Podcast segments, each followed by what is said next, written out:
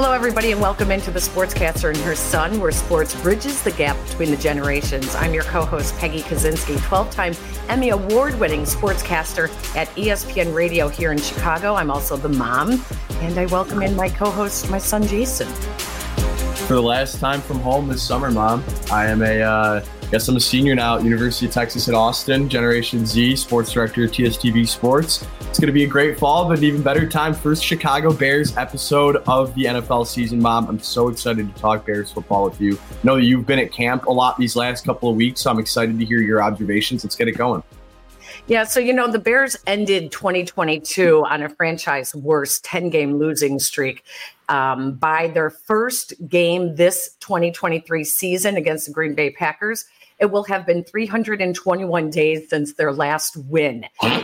They open against Green Bay, and Green Bay does not have Aaron Rodgers. So there's a chance, but there's still as much optimism that there is around the Bears this year. There's still a lot of questions about how good they are and how good they can be. Yeah, and I think that a lot of that is probably surrounding the offense, particularly the quarterback position. I think Justin Fields looked awesome last year, but he didn't throw the ball particularly well. And that's what you need to win football games in the NFL is a quarterback who can really throw the ball. A lot of new pieces on offense, DJ Moore, almost an entirely new backfield. And then you talk about the pieces on defense, which I'm really excited to get into this episode. The two linebackers, huge additions. Secondary is a little revamped. And then, of course, Bears signed Yannick Ngakoue next uh, last week as a big addition to the front seven. So a lot of new pieces, a lot of unproven players playing big roles. But I think they're really the big turn surrounding the Bears this year is what if? I mean, they're in a horrible division, not a horrible division, but they're in a, a slightly less competitive division than maybe the rest, some of the other divisions in the NFL. They have a young team. They showed some flashes last year, probably as many flashes as you can show in a three win season. And so that's, you know, kind of my whole mantra with this Bears team is, you know, what if? What if they're the best team in the division and they make the playoffs and they run the table and, you know, anything can happen any given Sunday, right, mom? So we're going to leave the offense for another episode where we can break down Justin Fields because really this season is all about Justin Fields' prove yeah. it season and all the the additions, like you just said, that they made on offense. Instead, on this episode, we are going to focus on the defense. Let's bring back a friend of the show to help us break down the Bears defense in year two under coach Matt Eberflus, former Bears defensive coordinator, former Lions head coach, many stops in between. He's a defensive guru, Coach Rod Marinelli, joining us again. Coach, it's great to have you back on the show. Good morning. Hey, good morning. It's awesome to be here, Peggy. Appreciate it. We love it. This is Coach uh, Eberflus's second year now as a head coach. Yep tough year for him in, in, the first year as he tries to establish uh, what he wants the Bears to be. They're establishing their systems, they're establishing their culture. And unfortunately, uh, it resulted last year in a franchise record 14 losses and only three wins. Yep. What advice did you give Coach Flus after last season going into year two of what he's trying to build here in Chicago? Yeah, I just uh, there's some positives, and as I look at the positive, I think I might have told you this before. The last thing to show in a successful business is profit. You have to do it the right way if you want it lasting. Now the NFL is fast, you know, they want to see results. So going into that second year, I think he laid a terrific foundation. He's added that his type of guys right now that he wants. And so that's the next big step. And it's really establishing a culture that you, what you expect, your effort, your fundamental, what your coaches, you know, he's coaching coaches too along the way, new staff, all those things. So that's, uh, I've seen many programs like that start off slow and gradually gain momentum as it goes. I, he'll do that. As a follow up to that, real quick, coach, um, the losses can really be tough on a person. You know that firsthand from your days in Detroit. Uh-huh. How does Matt stay positive when and not look at those numbers and those stats? I just think it's toughness. You got to be mentally tough. You got to be strong. You got to know what you're going into, and you have to have belief. When you have belief, everything works. Yeah, you got to believe that you know your system, you know your people, you know your coaches, and then you stay in that groove. Once you get out of that groove and start listening, then it's tough. But if you just stay with your beliefs, and uh, he's got a strong belief in what he wants, and uh, he's got a good quarterback there, which is a, a big part of the whole thing, and um, it, they'll get better and better. Coach, let's talk about some of the new additions. Last year, the Bears, after they traded away Roquan Smith to Baltimore, they didn't win a game after that, and it was very very apparent sort of the void that was left on defense. They filled that void a little twofold by signing Tremaine Edwards, Tremaine Edmunds, and TJ Edwards, uh, yep. two linebackers. What kind of impact does that make on a defense when you get two big time difference making linebackers, big money guys who have experience, have won ball games before? What can we expect to see out of the Bears defense that'll be different than last year, especially post Roquan Smith? Yeah, I, I just see that those two men are great fits for the system and what he's trying to do. Really good ball skills. Guys with skill, good tacklers, veteran players. One has been into kind of into the system a little bit out of Buffalo, and uh, those guys right now, uh, the leadership and the command of the huddle and the communication. That's the key for everything. So I I look for big things there for them.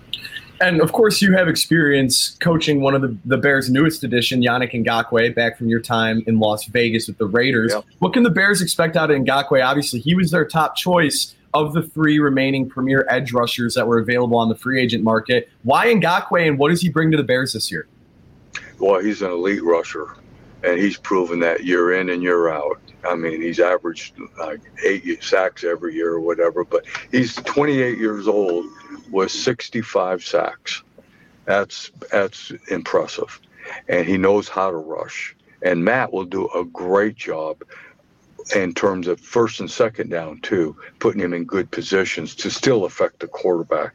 He's tough. He's good against the run. He's not the best because he's not the biggest, but you can put him in great situations with nine techniques and open fives and things like that, where he can really attack play actions, play a lot of option mobile quarterbacks, and play his gaps. But you know the guy's speed is rare, and when you have rare speed, you have rare power okay, because you open up that tackle. You open him up for that speed, and now you now you have a chance to go ahead and bull him. I would always say it's like he's opposite of Julius Peppers. Julius established power, but Julius is fast, and that led to his uh, becoming a terrific edge rusher. So they're opposite. He leads with speed that can turn to power. Ah, okay. Yannick and Ngakoue really studies the game. Um, he knows the history of the game. He knows the history of the great pass rushers. He wants to be one of the best. He mentioned how he used to watch Julius Peppers when you were here in Chicago, coach, uh, coaching Julius Peppers as a Chicago Bear. And I, I'm curious, though, that when you are such an elite pass rusher like that, can you overshoot at times because you are going for the quarterback so much? And at t- and when I say that, when the responsibility is actually stopping the run, what has mm-hmm. happened in some of his previous stops is that he gets out of his gap, he gets out of his responsibilities because he is so hungry for the quarterback. And yeah. how do you improve that part of his game? Well, when I was with him, it's just key work every day, and you show him the um, you show him the, the reason why you're in this gap, you know, and explaining it, those type of things, and then you got to put him in a a, a a good position to use his strength. We had I had Simeon Rice in um, uh, Tampa when mm-hmm. we won a Super Bowl down, and very similar guy. You've got to be smart how you uh, place him in certain techniques. Now, if you're playing him head up, head up on a tackle, that's a long day. And but if you play him some good nine outside the tight ends, some loose fives, those type of things, he can play his run and do a nice job with that, and then also be a, a tremendous uh, pass rusher. But you have to have drills, everyday drills, EDDs, reading your keys, reading your keys, being on top of it. You can come off the ball and still squeeze a run you know, if you're on it in terms of your eyes. There's no, everyone knows he's been, this is now his sixth team. Um, but he, he he wants to be great, so yep. he he knows that he needs to work on uh, stopping the run in order to be considered one of the greats and not just a, yep. a one dimensional pass rusher. Um, talk about his work ethic because uh, in the people that I've talked to in some of his previous teams that he's played on have nothing but great things to say yep. as a teammate and as uh, a guy that gets to work every day. He is uh, first guy in the building him and Maxx Crosby would fight to who's going to be first in the building. Wow. It was that type. They had that. They were both captains for us in Vegas, and they would fight to be the first. They'd fight in every drill to who's going to win the get-offs. They'd fight to who could run the bags the best. He was a terrific note taker, terrific, and he holds a high standard for everybody in the room. So there's that competition in that room. And uh, he wants everybody taking notes. And he's strong like that. But he sets the pace by his actions. And then you have a chance to call somebody out. And then his work habits on the field, outstanding. You know, him and Maxx every day. It was uh, it was fun to watch and uh, but he's detailed in his footwork, all those things.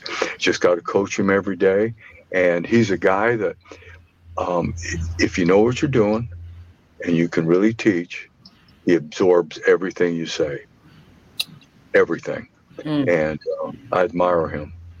On the note of that veteran leadership, the Bears have four rookies this year on defense who I think will end up playing somewhat big roles. Two guys up front, Zacch Pickens and Gervon Dexter, cornerback Tyrique Stevenson, and then a linebacker, Noah Sewell. So when you have these new veterans, new veteran presences in the locker room, Ngakoue, Edwards, Edmunds, how important is you know kind of what they're teaching the rookies? How like how do you prepare the rookies in their first year? It's a crucial year, but all four of these guys might be playing big roles. What role do the the veterans, the big the big dogs, play in preparing those guys for the inevit- the inevitability of them having to play in big moments during the season? I, I think it's in meetings, demanding focus. Okay, uh, attention to detail. It's not so much, hey, do this or do that, or what. Your coach is going to get that done for you. It's the process of learning. And it's about when you're, a lot of these young guys start off and they get smoked early. You know, they're expecting to come out and make and it's going to be something easy. They could rush what, whatever right off the bat. And there's a lot of ups and downs in this. And so a good veteran shows them the pace, the steadiness, the consistency. Every single day, you line up and do what you're supposed to do. That's the best way to help these guys. And it's a mental preparation. How do you prepare for a meeting every day?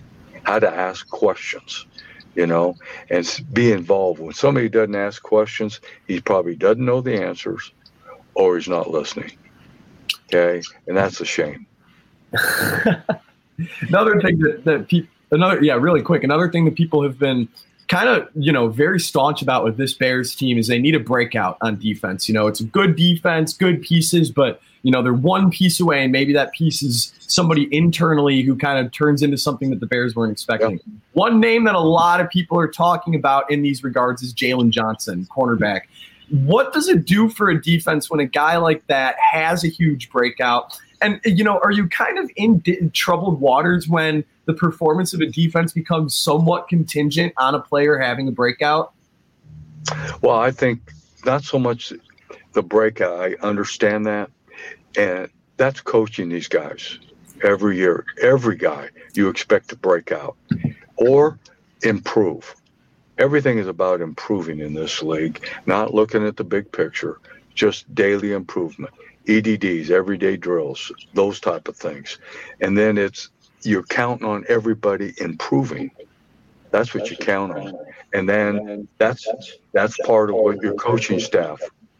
That's why they're there, and uh, to help these men improve every single day, and to keep gaining ground forward. And the thing in football, I believe, is like a game. You start a game, you should be better at the end. Mm. You should you should be improving constantly improving, then you're better the next week. That's a focus, that's a coach, and that's a belief that goes into it.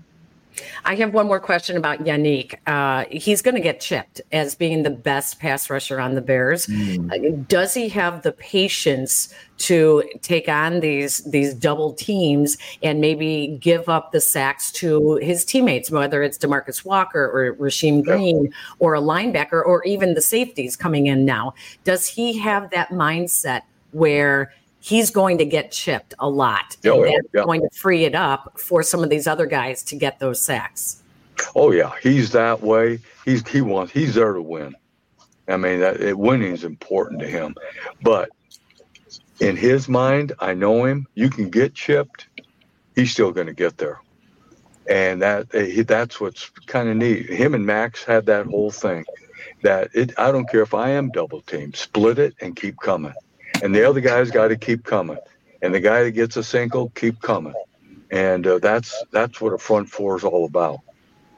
Interesting. Is there pressure on Matt Eberflus this year because he's a defensive coach and the defense ranked dead last last year?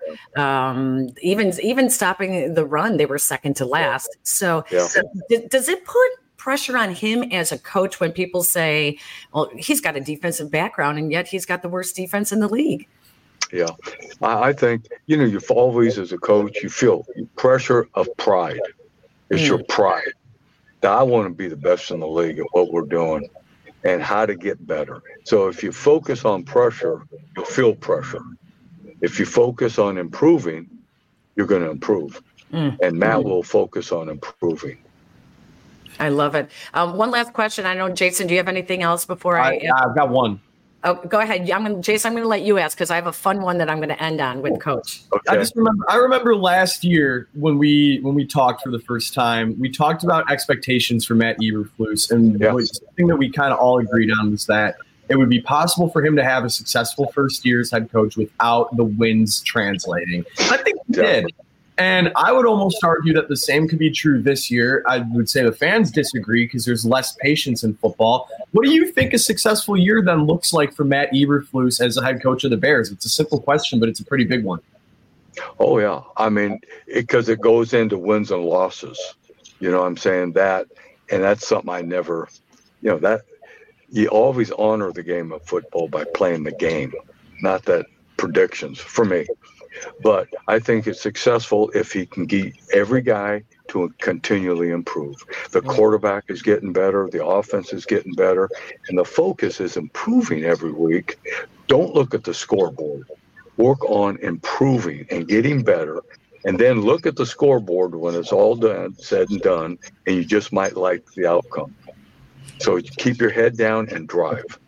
It's no secret that you and Matt Eberflus are are good friends. That you oh, yeah. keep in touch. You talk very often, and you also recommend books. I know you are a voracious reader. So, oh, yeah. what books are you recommending these days?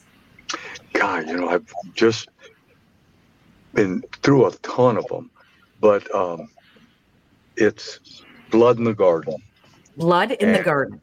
Yeah, it's a basketball as uh, Pat Riley, that whole thing, the toughness, mm. the teamwork. It, it's a beautiful book, and it, it takes along his kind of his path and a journey uh, with the Knicks, things like that, and from uh, the Lakers, who had nothing but great talent and speed and all that stuff, he turned the Knicks into a physical, bruising basketball team, and then he did it in Miami.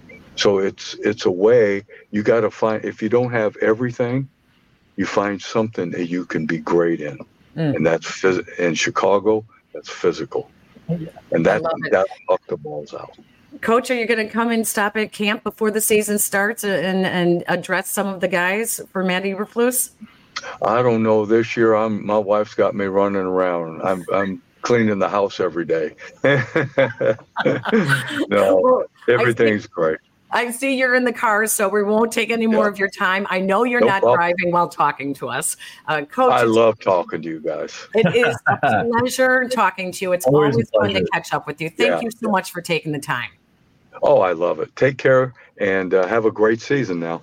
Rod Marinelli joining us here on the Sportscaster and her son. That's it's always great, Jason, to be able to uh, have coach with us. L- let's wrap things up real quickly here and go into um, maybe some predictions. Do you have any oh. predictions? You know, I love this time of the year because like we're right on the eve of a lot of stuff happening in sports. You know, like we're right around the stretch run of baseball. College football starts this month, which is just awesome. NFL starts next month mean, a lot of stuff are happening. Like it's exciting times, and so there is a lot to predict on.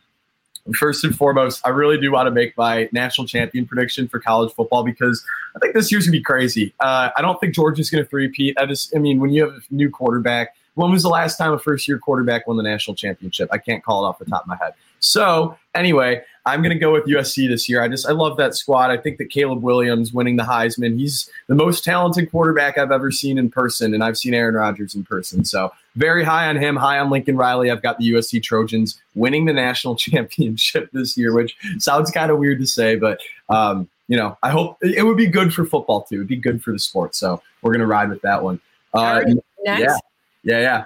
Uh, number two, NFL. I'm going to go with my MVP is going to be Josh Allen this year. I just think the stars are kind of aligning. Like he's one of those guys like where I feel like if he doesn't win one in these next three years, we're going to look in like five or eight years, and all the kids in high school are going to be like, "Wait a minute, Josh Allen never won an MVP." Like, yeah, no, he hasn't won an MVP yet. He has this great offense. It's going to be a competitive, def- uh, competitive division. But my thing is this: I don't think being in a weak division necessarily uh, advantages you to win the MVP. I think being in a competitive one does because you're playing in more of those high profile games and it kind of gives you that boost to the stats. And I think that we're going to see that with Josh Allen this year. So he's due. He's got, yeah, he's my MVP pick. Um, and finally, Bills. Yeah. And finally, uh, Chicago Bears this year. I don't have them winning the division, but I think that they're going to be firmly in the playoff race. I'm not gonna. I'm not predicting a playoff berth yet. I'm going to have my official prediction on this uh, kind of closer to the season, but I'm going to go for sure right now over 500. Taking a look at that schedule, we know how the NFL schedules work where uh, it's sort of like the reverse of what you finished the year before. So, like the Bears finishing with the worst record, now they have the easiest schedule in the NFL. That coupled with some development, some new players, some draft picks, I've got them finishing over 500 this year. We have so much more Bears to talk about, though, between now and the season starting. Like, I feel like it'd be foolish to make my full fledged season prediction right now. All right. And then my final thoughts really have to do with what Coach Marinelli was just saying. I do think that this is a coach it year for Matt Eberflus. I do think he has to prove that he can coach up the defense and coach his coaches to improve that defense as well. The foundation is definitely laid for this team uh, when it comes to the defensive side. So while Justin Fields is going to continue to prove that he is their quarterback of the present and will earn a contract for the future I believe that the foundation is laid for the defense. And next year, they are going to get that bookend pass rusher that will complement Yannick Ngakoue. and they will then give Yannick also a multi-year deal. So l- look for that. That's what I think is is going to happen with the Bears. And I hope it will too as well. So, anyways, Hey, our thanks to Rod Marinelli, coach, always uh, picking friend up the, the pod whenever, whenever we uh, ask him to join us. He is a friend of the pod. We appreciate it.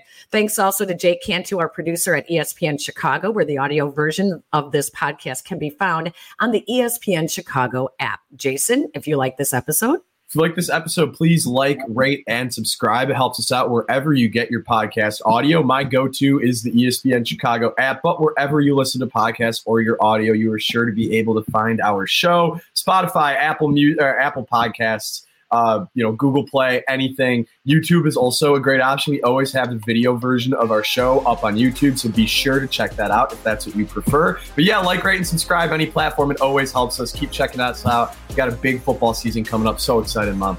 Sometimes it's easier if you search the ESPN Chicago podcasts, and then you will mm. find us easier that way. Uh, don't forget, you can follow us on Twitter at TSAHS Pod or at Jason Commander with a K or at ESPN Kite. That is it for this episode. Thank you, everyone, for joining us. It's going to be a very fun Bear season. Hope so. talk more football. We've got lots more coming up on future episodes of The Sportscaster and her son. Jason, good to see you, buddy. Good luck at school. Good to see you, Mom. Thanks. Looking forward to killing it in Austin this fall. All right. Take care, everyone. So long.